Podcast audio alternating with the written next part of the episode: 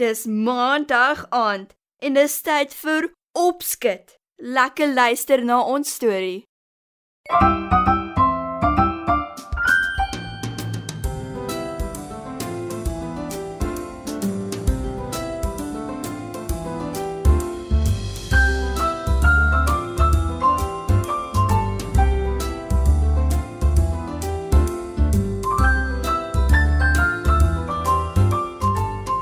Goeienaand, Bats.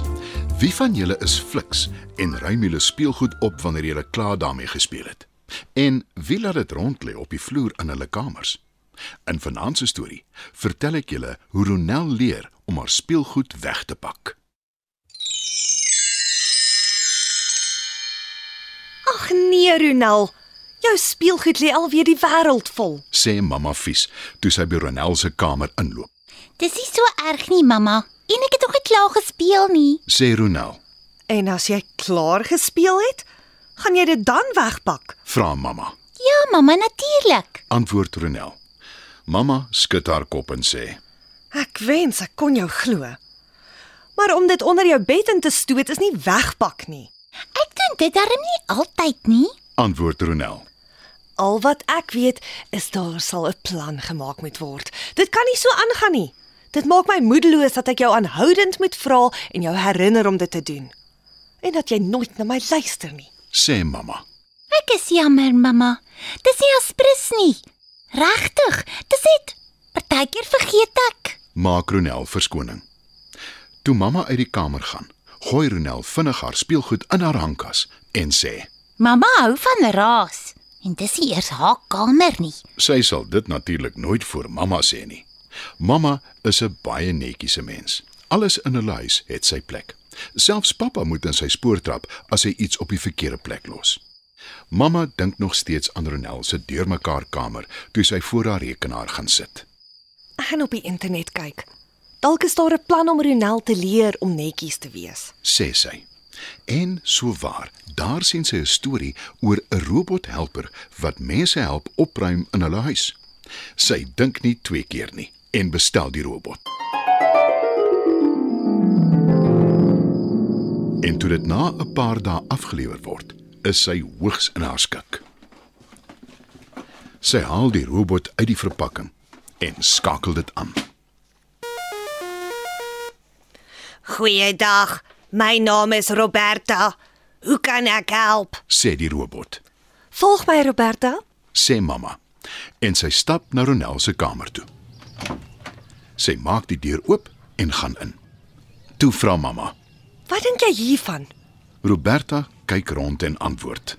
Dis 'n baie deurmekaar kamer. Jy's reg. En die meisie wat jou met 'n oop mond staan en aankyk, se naam is Ronel.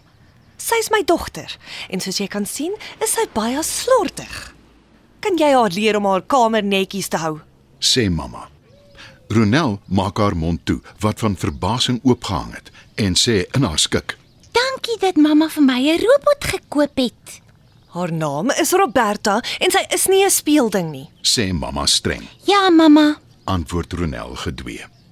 Maar die oomblik toe haar mamma by die kamer uitloop, sê sy vir Roberta. Kom ons speel. Ons moet eers opruim. Antwoord die robot. Ag nee, wat? Ons kan dit later doen. lag Ronel.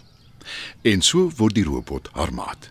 Hulle speel van vroeg tot laat. Hulle jaag mekaar rond, hulle speel wegkruipertjie, hulle speel raaispeletjies, noem maar op. Ronel se ouers is tevrede, want haar speelgoed lê nie meer oral rond nie. Nadat die twee gespeel het, bære die robot dit, want dis hoe sy geprogrammeer is. Die speelgoed aan die ander kant is baie ongelukkig. Ronel speel nooit meer regtig met my nie. Klaar Teddy. Nie met een van ons nie. Sy haal ons uit die kas en Roberta sit ons terug. Dis omtrent al. beaam Ronel se gunsteling pop. En toe, op 'n dag, nadat Ronel net weer 'n kort rukkie met hulle gespeel het en hulle toe vergete eenkant laat lê, klim die speelgoed sommer self terug in die kas. Hulle is moeg om te sien hoe sy en Roberta baljaar en hulle bly sommer daar, En haar mamma weet van niks nie. sê Teddy. Maar soos dit maar gaan, raak Ronel moeg om net heeltyd met Roberta te speel en sy besluit om weer haar speelgoed uit die kas te haal. Sy stuur die robot weg en maak haar kas se deur oop. My liewe Teddy, ek het so na jou verlang. sê sy toe sy haar teddybeer vashou. Maar tot haar verbasing spring die teddybeer uit haar hande, Nee, dankie. Ek wil nie met jou speel nie. sê die teddybeer. Maar hoekom nie? Ons is dan sulke goeie maats. Sê Ronel ongelowig. Moenie so verbaas lyk nie. Jy gooi ons oral op die vloer rond, maar dan kry jy skielik 'n nuwe maat en ons is niks nie. Jy het seker nie eens agtergekom ons het self teruggeklim in die kas nie. Antwoord die teddybeer verontwaardig. Ronel haal 'n ander speelding uit die kas, 'n bloedrooi brandweerwa. Sy probeer dit rondstoot op die vloer, maar die brandweerwa ry van self weg en gaan staan in 'n hoek. Nee, jy ook nie. Sê Ronel moedeloos. Ons voel almal presies dieselfde. sê die teddybeer. Ronel dink 'n oomblik na. En toe beloof sy plegtig dat sy hulle in die vervolg altyd self sal terugpak waar hulle hoort nadat sy met hulle gespeel het. En die speelgoed stem in dat sy weer met hulle kan speel. Maar ongelukkig hou Ronel nie by haar belofte nie. Die aand, toe sy gaan slaap, lê haar speelgoed weer die hele wêreld vol, Ek sal julle môre wegpak. beloof sy. Maar toe sy die volgende oggend wakker word, is daar tot haar verbasing geen teken van enige speelgoed op haar vloer nie. Sy maak haar kas oop, maar haar speelgoed is ook nie daar nie. Ronel draf af in die gang en roep: Roberta, Roberta, wat het jy met my speelgoed gedoen? Maar die robot antwoord haar nie. Sy is te besig om die gang se vloer te poleer. Ronel gaan kla by haar ouers. Ek is seker die robot het my speelgoed weggegooi of weggesteek. Roberta moet gaan. Gee hom weg of verkoop haar. sê sy. Maar mamma en pappa lag net. En mamma sê: Roberta is fliks en sy help my om die huis op te ruim. Sy bly net hier. Ronel besluit om die robot dop te hou. Sy gaan haal haar teddybeer wat op die bed in haar kamer lê en sy sit Teddy op die gangvloer neer. Toe kruip sy weg. Na 'n ruk kom die robot daaraan. Sy tel Teddy op en gaan sit hom in die besemkas in die kombuis, Aha! Uitgevang. sê Ronel. Sy gaan weer na haar ouers toe om hulle te vertel die robot steek inderdaad haar speelgoed weg.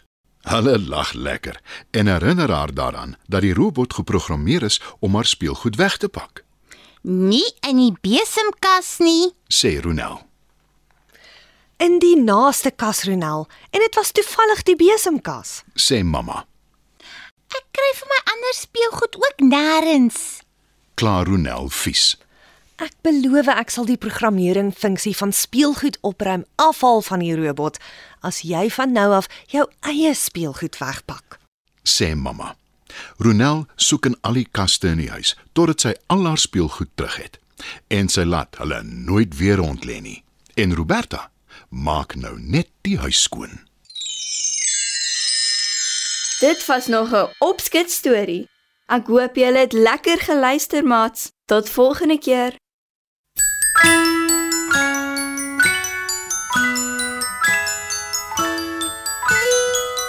In speelgoedland kan die poppe praat en die teddybeere dans en sing. Daar's 'n veeprinses en 'n bliksoldaat en 'n nar wat uit sy kassie spring.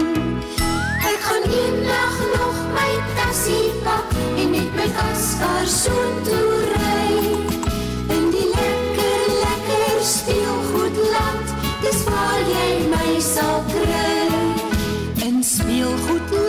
speelgoedland is 'n koeldrankdam, dis van lekker goed en poek gebou.